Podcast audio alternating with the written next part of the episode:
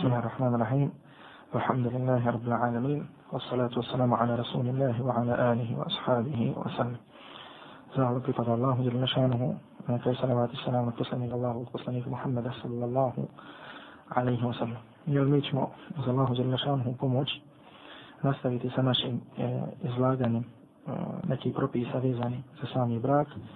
A na samom početku bi e, želio da se malo vratimo na ovo pitanje koje je prošli put bilo postavljeno i lično mislim da nisam možda dovoljno e, jasno ga odgovorili, možda dovoljno pojasno. To je bilo, na primjer, e, jel da kažemo stvar koja se često dešava, svjedoci smo te stvari, a to je da e, od, dešava se da djevojka želi da se uda, e, tu se tako pojavi se mama koji želi da je ovaj oženi, međutim e, staratelj to ne dozvoljava. I onda se desi tako da kažem ili da ona pobjegne, jel tako, ili da se tu pojavi neka osoba koja joj e, bude staratelj i koja je, tako da kažemo, oda. Mi smo prošli put spomenuli da je mišljenje većine islamskih učenjaka, a to je mišljenje Hanbelija, Šafija i Malikija, da djevojka ne može da uda samu sebe, nego da je neispravan onaj brak koji bude bez staratelja. I to se gradi na hadisu Allahu poslanika alaihi salatu wasalam gdje kaže la nikaha illa bi walijin da nema braka, to jest da nema ispravnosti braka bez staratelja. Međutim, također smo spomenuli da u, e, uh, je tako, da u određenim situacijama otac nema pravo da zabrani svoju čerki da se uda.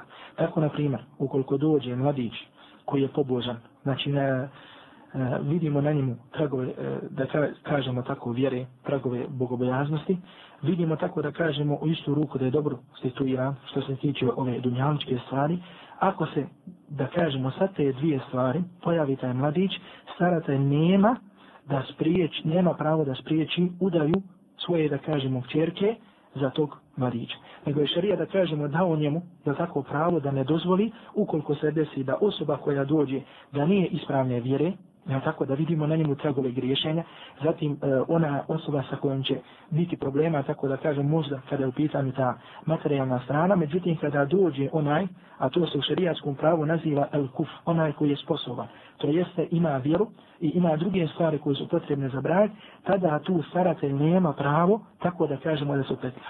Nego ukoliko on zabrani djevojci da se uda, automatski sa tom zabranom sa njega spada pravo starateljstva. I e, jedan dio islamskih učenjaka kaže da ukoliko se od njega ponovi više puta da zabrani, da on postaje griješnik da se ne prima njegovo svjedočenje i tako dalje.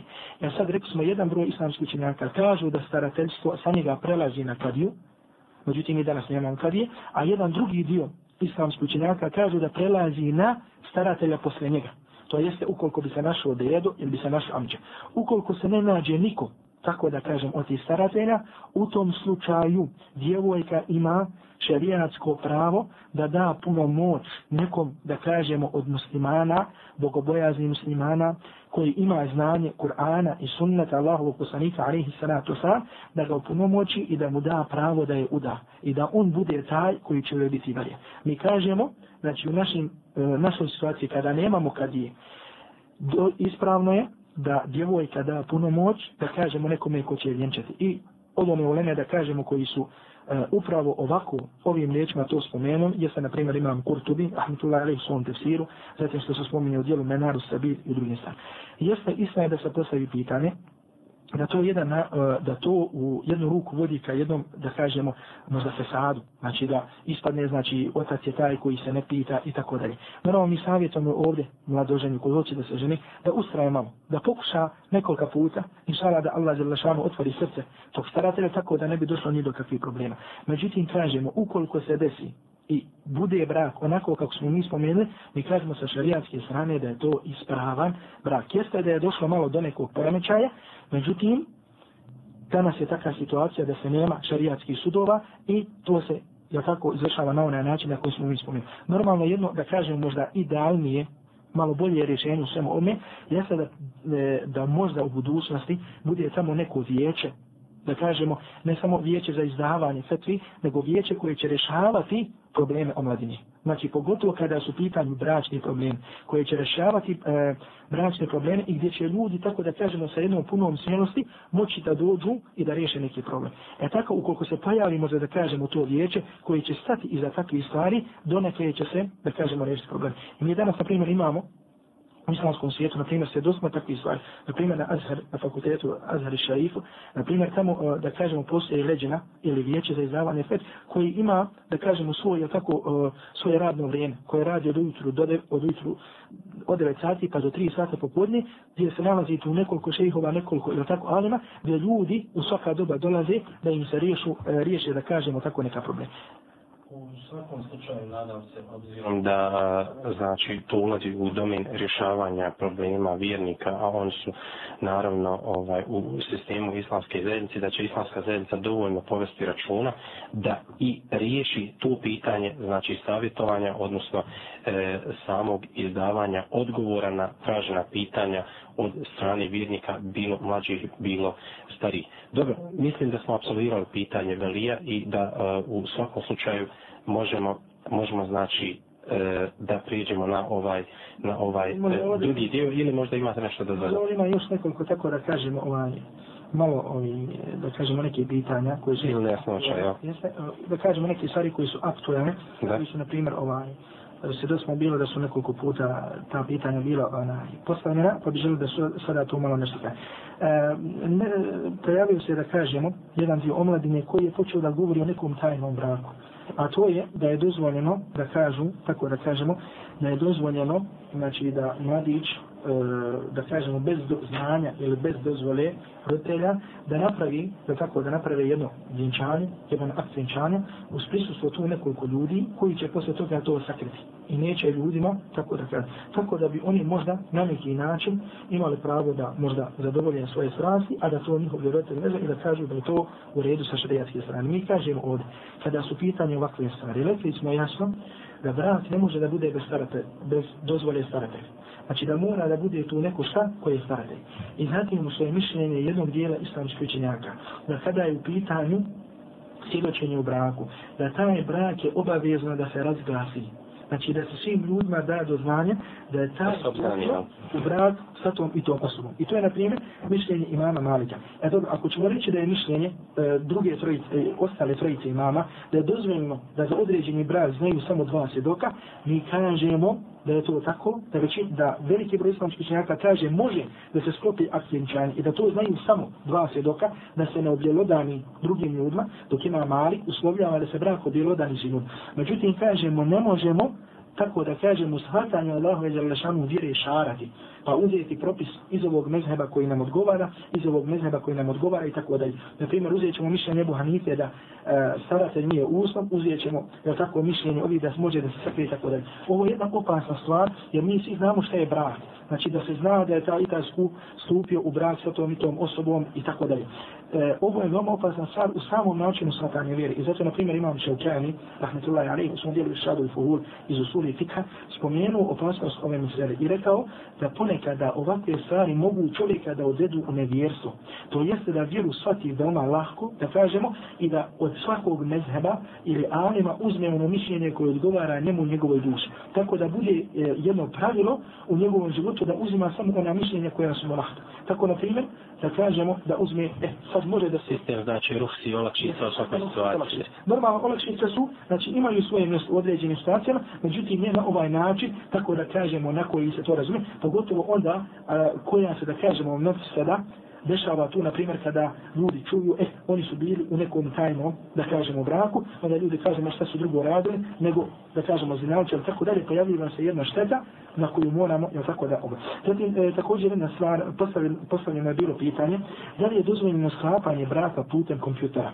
Ili da kažemo putem neki drugi ovi je tako uh, sredstava za komunikaciju. za komunikaciju, na primjer kao što je telefon, kao što je telefon i tako dalje, međutim možda je malo aktuelnije ovdje uh, pitanje interneta, ja. Znači, pitanje samog interneta. Da li ja. čovjek može preko interneta da sklopi brak? Uh, po pitanju ove mesele, uh, vijeće za izdavanje fetvi u džibbi, jedno od najpoznatijih vijeća u islamskom svijetu kada je u pitanju izdavanje fetvi koje je okuplja da kažemo najeminentniju ulemu jel? da koje je sakuplja ulemu, ulemu svih dijelova islamskog svijeta je donijelo odluku ili karar ili da kažemo fetvu pod brojem evo da spomenemo 6,3 kroz 54 gdje se kaže da kada je u pitanju internet telefon da nije dozvoljeno sklapanje braka putem Znači bez fizičkog prisustva. Bez tih stvari. Znači da nije dozvoljeno sklapanje braka putem tih stvari i zato uh, se stava i zato pominjem novu stvari kažemo tako da pitanje braka nisu nešto što je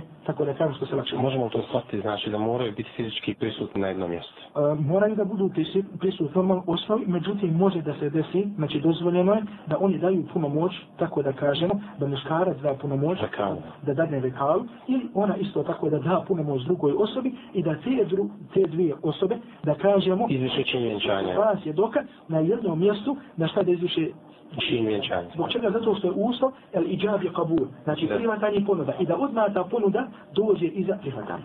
Zatim ovdje još jedno pitanje, sa kojim bi završili ovaj sami akt vjenčanja, to je e, što se postavlja, pogotovo da kažemo od strane naših sestara, da li je dozvoljeno da a, žena prilikom sklapanja braka uslovi i kaže da je uslov tako da kažemo stupa u brak sa određenom osobom, međutim pod uslovom da se taj čovjek ne ženi drugi put da ne dovede, da kaže. Jeste, da li je to dozvo? Ili da kažemo bilo koji drugi uslov u kojem ona ima korist. Na primjer da kaže, eh, ja sam primjer iz visokog, udaću se za tebe. Ako ćemo živjeti, ako ćemo živjeti u visokom. Da li je ispravan ovaj uslov? Mi kažemo da je ovi i slični uslovi, znači koji se ne su prostavljaju šarijatu, da su oni do, e, dozvoljeni, da se postavi, da su oni ispravni i da je obaveza mužu da postupa shodno uslovima koji su spomenuti u aktu. I to se temelji na hadisu koji je zabilježio imam Bukhari i Muslim u svojim sahihima od Ukla ibn Amira radijallahu ta'ala anhu da Allah poslanik sallallahu alaihi wa sallam kaže haqqu šuruti ajufa mestahlaltum bihi furuđ. Šartovi ili uslovi koji su najpreći da se ispunjavaju su oni. Sa kojima se dozvolili, kako polni organi, to je misli se. Učinili halalom jednih prema drugim. To je sami akt ova vjenčanja. I ovo je mišljenje imama Ahmeda, rahmetullahi alaihim, i koji je odabrao veliki broj islamskoj učenjaka, među njima je šehr Usman ibn Taymiye, njegov učenik Ibn Qayyim, i koliko mi je poznato većina, ili veliki broj uh, učenjaka današnjice odabire ovo mišljenje i smatra kao najispravnije. Kao najispravnije. Istina je da u ostala tri mezheba, u mezhebu imama Šafi, Malika i Ebu Hanife, da oni kažu da nemaju ti uslovi nikakvu, tako da kažemo, nikakvo značenje. Nego ono na što se odnosi ovaj hadis, oni kažu da se to misli na mehr, na vjenčani dar, a oni kažu ukoliko žena postavi taj uslov, da muž poslije ima pravo šta, da se ponovo oženi ili da je, da kažemo, onaj, e, od, odvede u drugo mjesto i da to međutim mišljenje imama Ahmeda i što kažemo sve ispravno mišljenje da je muž obavezan da ispuni taj uslov. I ukoliko bi on prekršio to da žena tada ima pravo na fesk, na fesk a to je razvrgnuće braka i ukoliko bi se desilo normalno da to dođe to razvrgnuće nakon polnog odnosa muž je obavezan da ju isplati čitav mehr međutim jedino ukoliko bi se desilo da dođe to razvrgnuće prije polnog odnosa, onda u tom slučaju on nije obavezan ništa da je isplati od mehra.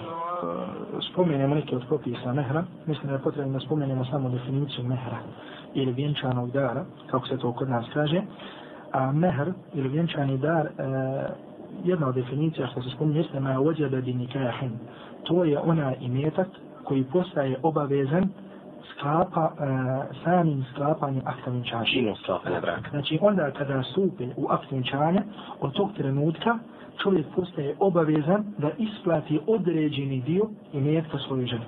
Je tako? Znači to je ono, znači on postaje, znači to postaje jedan dug, Odnosno, njegov, jeste, dug njegov prema njoj.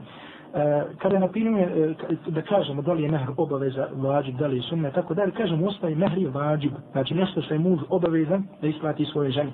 I to se temelji na riječima Allaha subhanahu wa ta'ala sada kaže wa النِّسَاءَ صَدُقَاتِهِنَّ نِحْلَ i ženama dajte vjenčane darove na najljepši način.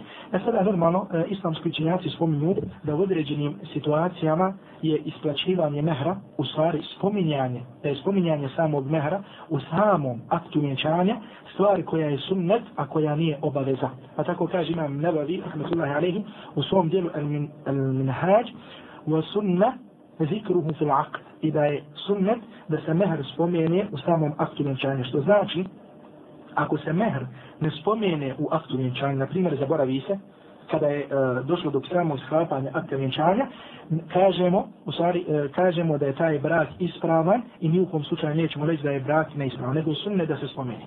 Međutim, uh, ukoliko se, tako da kažemo, spomene, taj mehr taj spomenuti mehr postaje obavezan čovjeku da ga isplati. Znači, na primjer, dogovorili su se prilikom akta vinčanja da je mehr, da kažemo, na primjer, 300 maraka. Samim aktom vinčanja njemu je postala obaveza da isplati ti 300 maraka. Kada? Kažemo, znači, e, prije nego što kažemo kada, želim ovdje samo da kažem, da mu postaje obaveza puna ili da kažemo prava obaveza e, isplaćivanje ovog iznosa od 300 maraka, na primjer, kažemo, tek onda ukoliko dođe do polnog odnosa. Znači, ukoliko dođe do polnog odnosa ili ispravnog osamljivanja, to jeste, znači, da se mladenci osamljaju ja tako, da budu sami u jednoj prostori gdje imaju mogućnost, ja tako, da imaju polni odnos, nakon tog osamljivanja, iako nije došlo do polnog odnosa, njemu postaje obaveza da isplati punu cijenu onoga mehra do koje je koji je dogovoren. Koji je dogovoren. Ili ukoliko bi se desilo da kažemo, ili ukoliko bi došlo do smrti jednog od, jel tako, ova, jednog od supružnika, postaje također obaveza, iako nije bio šta, i ukoliko, i ukoliko nije bio sami polni odnos. Međutim, ukoliko dođe do razvoda, ili da kažemo, ukoliko dođe, na primjer, da čovjek razvede ženu, prije nego što imao polni odnos, Ja? Onda ne isplaće iznos. U slučaju neće isplatiti puni iznos, nego će isplatiti samo pola mehra. Dobro, da vas Allah nagradi ovdje samo da, da jednu stvar, da budemo malo praktični, jer naši slušalci prate ovu emisiju, interesovanje je veliko, najava je bila za ovu emisiju, vi ste došli iz Mostara, to ucijenimo sve. Međutim, onog momenta kada postanu bračni supružnici, znači prenoći prvu noć zajedno, koliki vremenski interval treba čekati da on isplati eventualnih 300 maraka kako u ovom slučaju, vašem primjeru, naveden mehr, je li to u slučaju razvoda braka, je li to u toku samog braka, je li to odmah neposredno posklapanje braka? I tako dalje i tako dalje. Na primjer ovdje kod nas, ako smo prisustvovali aktu vjenčanja, vidjeli smo na primjer da se spominje tamo nešto mehr muadžal i mehr muadžal. Znači neki prvi mehr i tamo neki po navodnicima drugi mehr. Znači prvi mehr je onaj mehr za koji se supružnici dogovore prilikom sklapanja je da, da odmah bude isplaćen. I kaže se, na primjer, taj mehr je, da kažemo 300 ili 500 maraka. Taj mehr, taj prvi mehr, da kažemo, koji se spominje, odmah samim sklapanjem akta vjenčanja postaje isplati. obavezan da to isplati. Da. I čak ono što spominje većina islamskih učenjaka, jeste da žena ima pravo da kaže da neće imati polni odnos sve dok taj mehr ne bude isplaćen. Što se tiče ovog ovaj drugi mehr koji se zove mehr muadjal je mehr koji je za, koji, e, sa kojim se kasni, tako da kažemo, to je onaj mehr kada se dogovore, je tako, supružnici, da će doći do njegovog isplaćivanja samo ukoliko bi se desio razvod braka ili u slučaju smrti. On u stvari postaje kao jedan vid sigurnosti za za ženu ukoliko dođe do razvoda braka da ona ne ostane bez sredstava za život da bi se time mogla I to je da kažemo jedna stvar. E, koja je dozvoljena da kažemo, znači nema, niti, nema a, e, tu neku da kažemo ištala što bi se rekao, znači neke smetnje da napravimo tako te dvije vrste mehra jer u osnovi mehr jeste ono e, pogodba koja dolazi između, je tako, muža, između žene. Što ako oni hoće da čitav mehr bude odmah prvi, može. Ukoliko hoće da čitav mehr bude tek onaj kasni, to je dozvoljeno. Jer je sam brak je ugovor o zajedničkom životu. Jeste ugovor o zajedničkom životu. Međutim, mi ovdje savjetujemo iz nekih stvari koje smo vidjeli, da se ste, istina je, znači kao što ćemo spomenuti, nema najmanje granice mehra, niti najveći. Neograničeni. Neograničeni. Međutim, neki, jedan dio islamskih učenjaka je spomenuo da određenim situacijama radi koristi opšte, na primjer za pravo žene, da je dozvoljeno da vladar donese određenu granicu mehra. Interval određenu. Da kaže najmanji mehr je na primjer hiljadu maraka. Da. Ovdje, iz onoga što smo mi svjedoci, jeste na primjer da vidimo da veliki broj sestara bude pušta, bude razveden. I onda te žene, na primjer, kod nas je u društvu sramota, da kažem uobičajno, da se žena vrati svojima. Da. da kažemo, ta žena ostane, znači, nezaštićena. A nema tako da kažem, ne može da se svojima vrati. U tom slučaju nema nikakve smetnje. Čak savjetujemo da sestre koje se udaju da uslove i da kažu da mehr je, na primjer, ukoliko bi došlo do razvoda mehr muadžel, ja. mehr muadžel 3000 maraka ili 4000 maraka, tako da bi zaštitila sebe ukoliko bi ne do Allah za došlo do razvoda. I ovo je stvar koja je dozvoljena, ja se sjećam prilikom e, učenje pred našim šehom, šehom Abdulkadirom, a na Rahmetullahi Alihi, ja sam ga pitao za ovu stvar, da li je dozvoljeno i razumiješ, odgovor je bio da zato nema nikakve smetnje. Još jedna praktična opaska, samo ovako u situacijama i kontaktima sa ljudima koji su se već žalili, imaju običaj često puta da kažu, pa eto tako, mi smo se dogovorili da mehr bude srebrni ili zlatni prsti i na tome da se završi. Da li se može jednim, uslovno rečeno, takvim mehrom da se zadovolji e, i jedan i drugi? E, pazite, e, e, kada je u pitanju najmanja granica mehra, e, sa strane dokaza Kur'ana i sunneta Allahu poslanika alaihi salatu wasalam, kažemo da je ispravno mišljenje, e, mišljenje da nema najmanje granice mehra. I to je mišljenje učenjaka Hanbelijskog mezheba i imama Šafi, odnosno Šafijskog mezheba. I to se temelji na hadisu koji je zabilježio ima muslim u svom sahihu, da poslanik sallallahu alaihi wa sallam je rekao jednom ashabu ili tenis, خساري دا سوك كاد إريك أو كادو في تاني براع إمهر التمس ولو خاتما من حديد.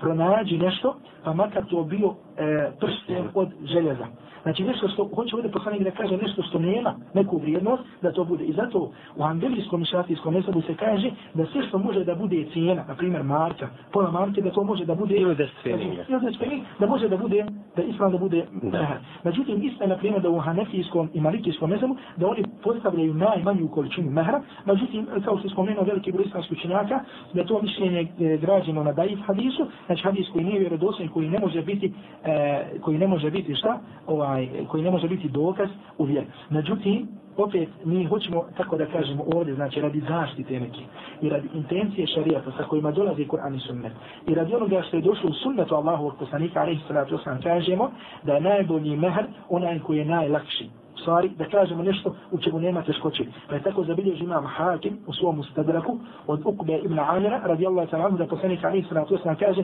Hayru sadaqi ejsaruhu. Najbolji mehr je onaj koji je najlakši. Da. Međutim, u svemu tome kažemo rad onoga što smo vidjeli, kažemo da ako ništa onaj drugi mehr, da žena može da tako da kažemo da postavi granicu, da kaže u slučaju razvoda, da će mehr biti da, da kažemo dvije ili tri hiljade maraka kako bi zaštitila se. Možda ovdje jedno pitanje koje je vrijedno da se spomene, jeste da smo također svjedoci ovaj, da ponekad u aktu vjenčanja se spomene da je kao meher Kur'an. Odnosno da će muž je tako podučiti svoju ženu određenim surama iz Kur'ana. I postavlja je pitanje da li je dozvoljna taka vrsta mehra. Ovakva vrsta mehra je dozvoljna po mišljenju mama Šafi, rahmatullahi alaihi, koji svoje mišljenje gradi na vjerodostojnom hadisu koji je zabilježio ima muslim u svom sahihu, da je došao čovjek Allahom poslaniku alaihi salatu wasalam koji je tražio da se oženi i nije imao, jel tako šta, e, da da kao mehr, pa je poslanik sallallahu alaihi wasalam ga pitao da li ima išta kod sebe od Kur'ana, da li zna išta od Kur'ana, pa on rekao da zna, pa je poslanik Ali Saratu Osman rekao, idi, pa kad zauveđu tebi ma ma'aka min al-Qur'an, ili kaže, a ja sam te oženio ili vjenčio te sa onim što ti imaš od Kur'ana, to jeste njegovo pamćenje Kur'ana i da svoju ženu poduči određenim ajetima iz Kur'ana je dozvoljeno da bude mehr po mišljenju mama šafi i to je mišljenje koje zabire veliki broj islamskih učenjaka. Slično ovom pitanju, postavlja se pitanje ili e, vidimo da nekada kažu mladenci ili da djevojka kaže da je mehr hađ, cijena hađa. Na primjer, da muž je odvede sa sobom na hađu. Što je posebno izraženo u našim uslovima i prilikama ovdje u Bosni i Hercegovini kao težnja za, za to vrstom i balje. To je normalno, jedna stvar koja je za pohvala da Allah Đelešanu mu nagradi naše sestre koje imaju želju za tim hajrom da obaveze da izveše tu dužu, međutim napominjemo i kažemo da je kada je u pitanju mehr, da je obavezno da taj mehr bude precizno određen.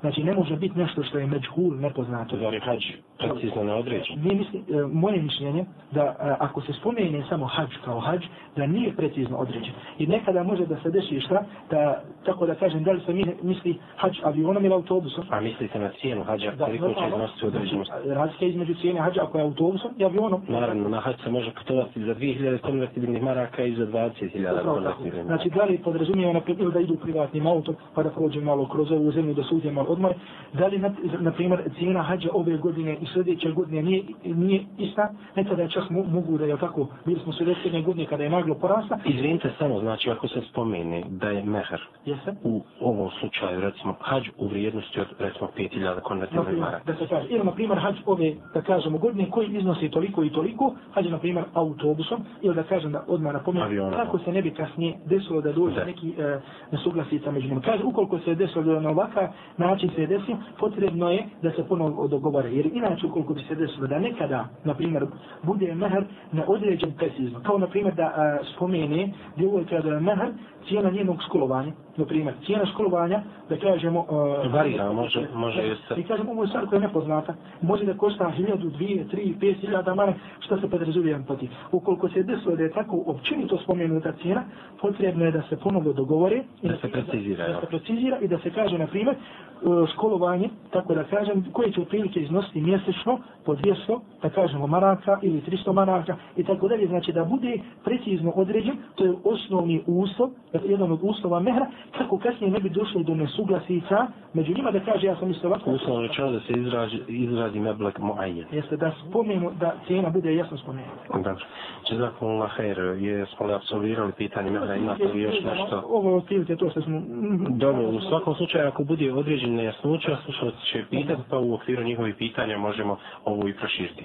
Pitanje međusobnih prava supružnika. U svakom slučaju da je e, e, regulisano izvorima, izvorima islamskog prava, Kur'an i Kerimom, odnosno sunnetom, hadisom i praksom e, Allahovog Resula, poslanika Muhammeda sallallahu alaihi ve sellem. Šta nam možete reći u kontekstu međusobnih prava i obaveza supružnika?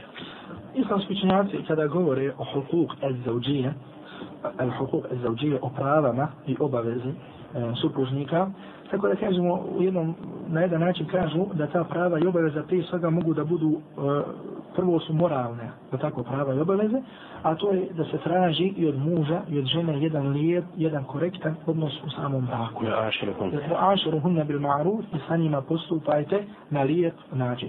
I u tom kontekstu, je tako, imam ovaj ajed koji smo spomenuli, zatim imamo nekoliko hadisa Allahovog poslanika, alaihi salatu wasalam, primar hadis koji je zabilio imam termizi u svom sunanu, hadis je radostan koji što kaže šeha Albani, rahmatullah alaihi, hadis od Aisha radijallahu ta'ala anha, da Allahov poslanika, alaihi salatu wasalam, kaže, hajrukum, hajrukum li ehli, wa ana hajrukum li ehli, najbolji od vas oni koji su najbolji prema svojim ženama, a ja sam od svih vas najbolji prema svojim ženama. Zatim imamo drugi hadis e, od koje zabilježi imam El Bayhaqi, u svom sunenu hadisa također vjerodostan, kao što kaže šeha Albani, rahmetullahi alaihi, također od Aisha radijallahu ta'ala anha da Allahu poslanik alaihi salatu wasalam kaže, jer obraćaju se sada ovaj ženama, a prvo je bilo obraćanje mužajima, da kaže, lau amartu ahadan an jesđuda li ahadin la amartu al mar'a an tasjuda li zawjiha.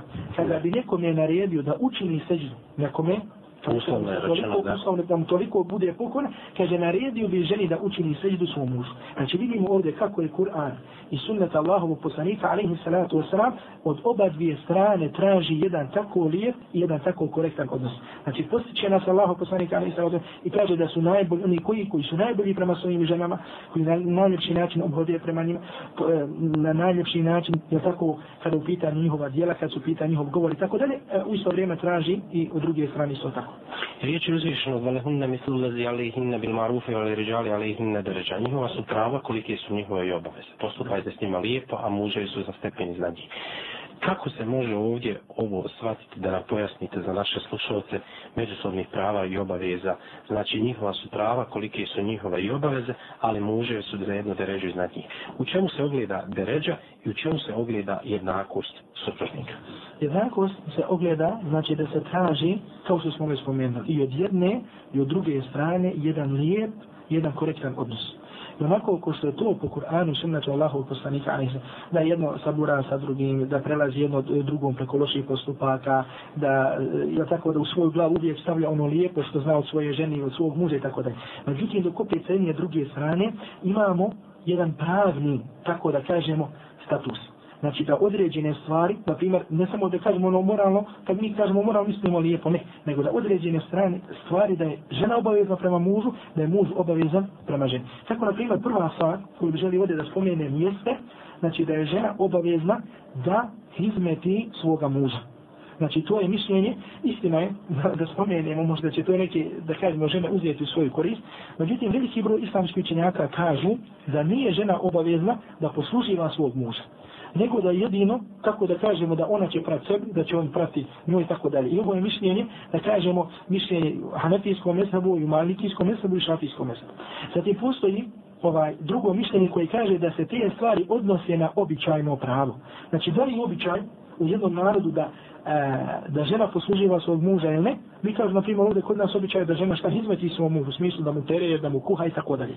I treće mišljenje koje se kaže da se ne gleda na običajno pravo, nego da u svakom slučaju da je žena obavezna da služi svom mužu, i ovo je mišljenje da kažemo koje je prihvaćeno od strane velikog broja islamskih učenjaka, među njima je veliki dio malikijskih učenjaka, malikijskog mezra, zatim mišljenje šehu Isama ibn Tenije, mišljenje ibn Qajim, rahmetullahi alaihi, ibn Qajim opšednije on je mu govori u svom poznatom dijelu Zadul Ma'ad i navodi dokaze koji upućuju na to da čak kažemo i ovaj ajet na jedan način može da to znači, znači da one su obavezne da čine to, jel tako, prema svojim muže, kao što ćemo vidjeti da su muževi druge obaveze, jel tako, obavezni prema njima. Šta je sada rađiš po pitanju uslovu? Ono što spominje većina islamskih učenjaka, naših Abu Qadr, rahmatullahi alaihi, zatim recimo šeho Islam ibn Taymiye, ibn Qayyim, opšinije govori da je žena obavezna šta da posluživa svome mužu i to temelje između ostalog na hadisu da je došla Fatima radijallahu ta'ala anhu poslaniku alaihi salatu wasalam i tužila mu se jer tako od teškog posla koje gradi. Pa je poslanik alaihi salatu wasalam putio nešto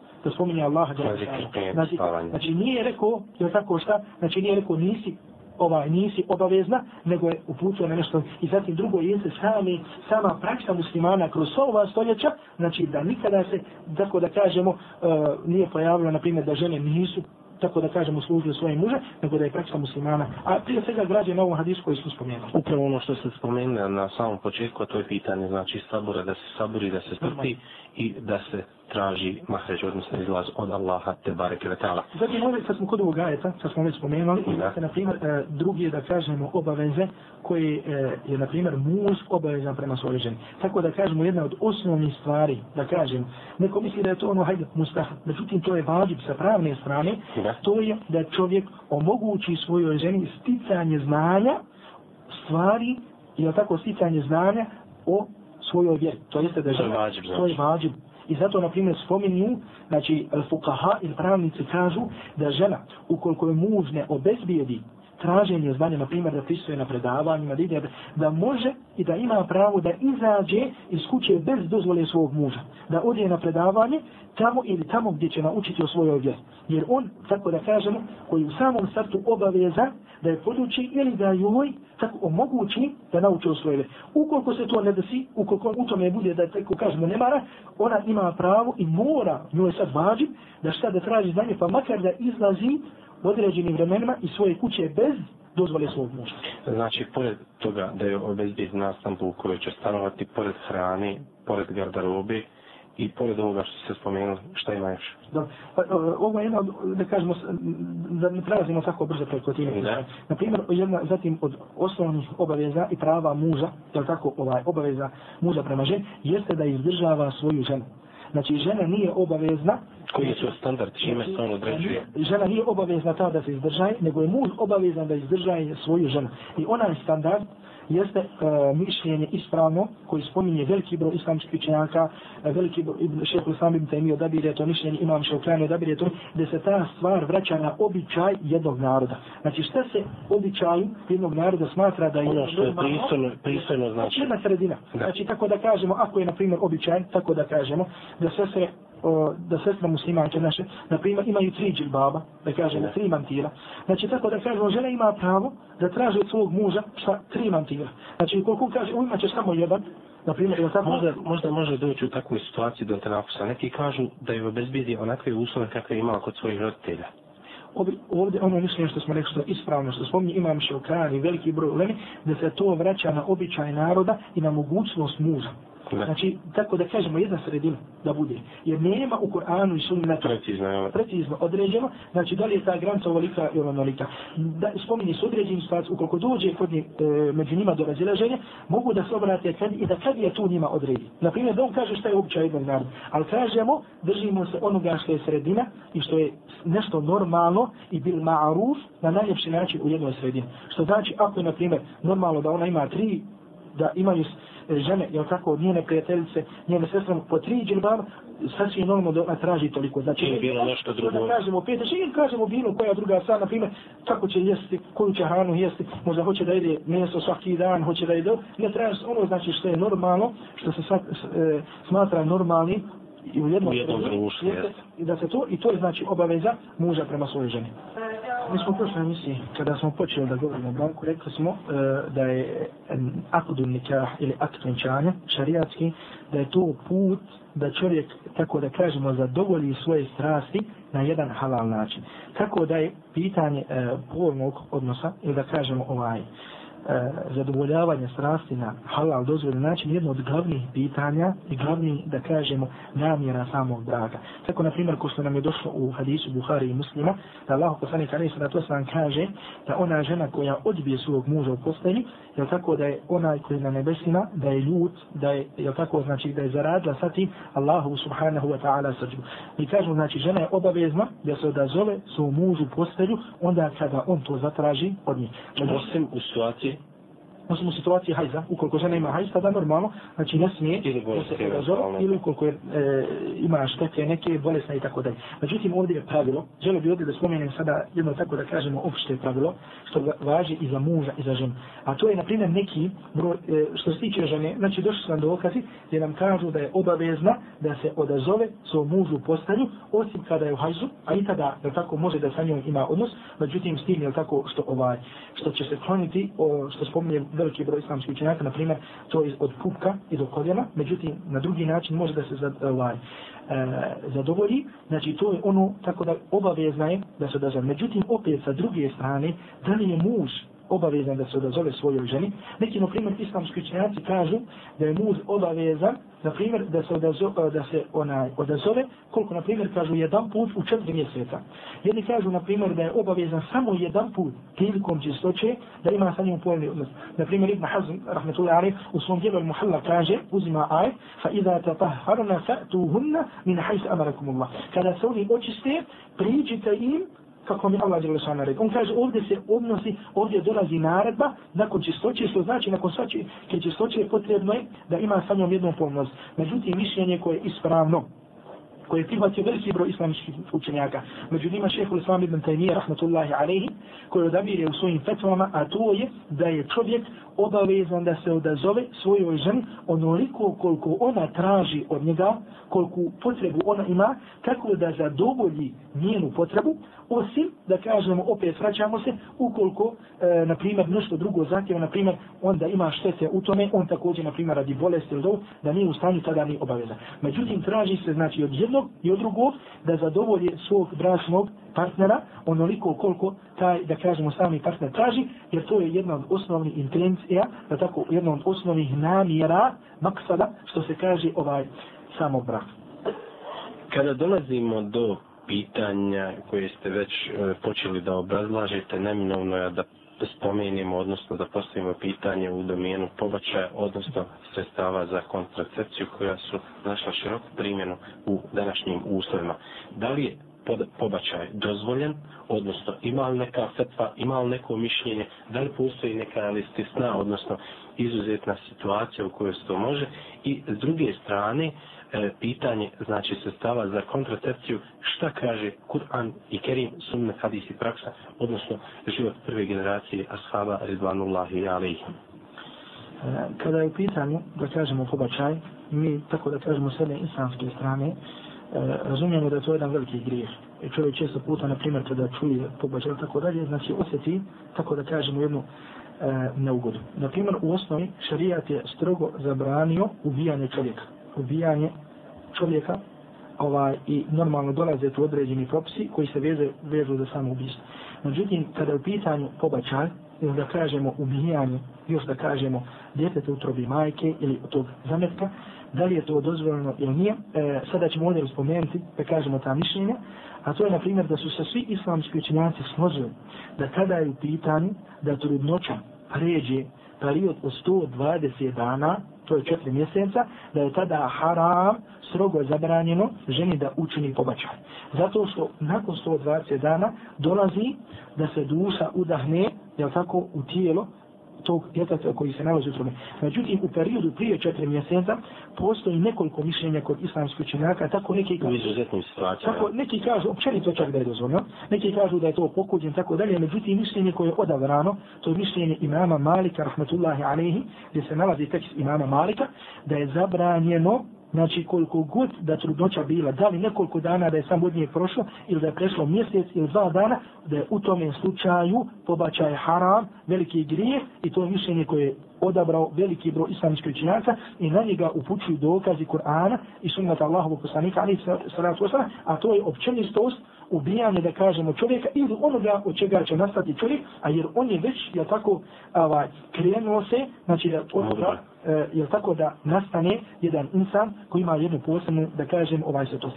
I ne samo tako da kažem, e, kad smo već ovdje pitanju pobačaja, želim samo da spomenem neke stvari, to je, na primjer, u određenim, nažalost da se dešava, danas kod naših mladih braćnih parova muslimana, da čujemo da je tako da kažemo ta i ta žena pobaca. Na primjer, iz razloga zato što ne želi da ima djece, neće obliko da ima djece i tako dalje. Dobro.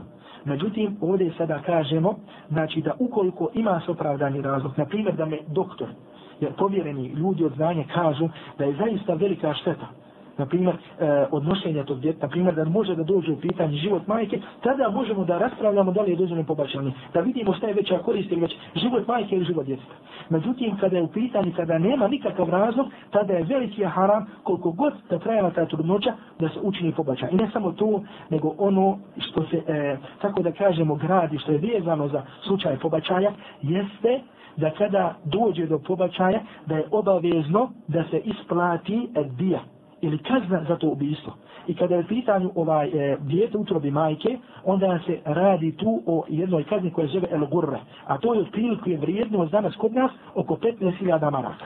Dobro, možemo tu odnosno da, da malo obrazložite šta je Gurre, a šta je Dija i kako na kakav način u ovim današnjim uslovima u kojima se mi nalazimo, kako to realizovati ukoliko eventualno izađe se iz okvira normalno, ja kaj, e, ukoliko, mi govorimo sad općenito o tim propisima. Ako se kod nekog desilo da ne Allah Đelešan, treba da se obrati, da kažem, učenoj osobi koja će mu pojasniti preciznije ovaj propis. Međutim, kažemo, dija je e, e, tako ono što je čovjek obavezan da isplati nakon što ubije drugog insana.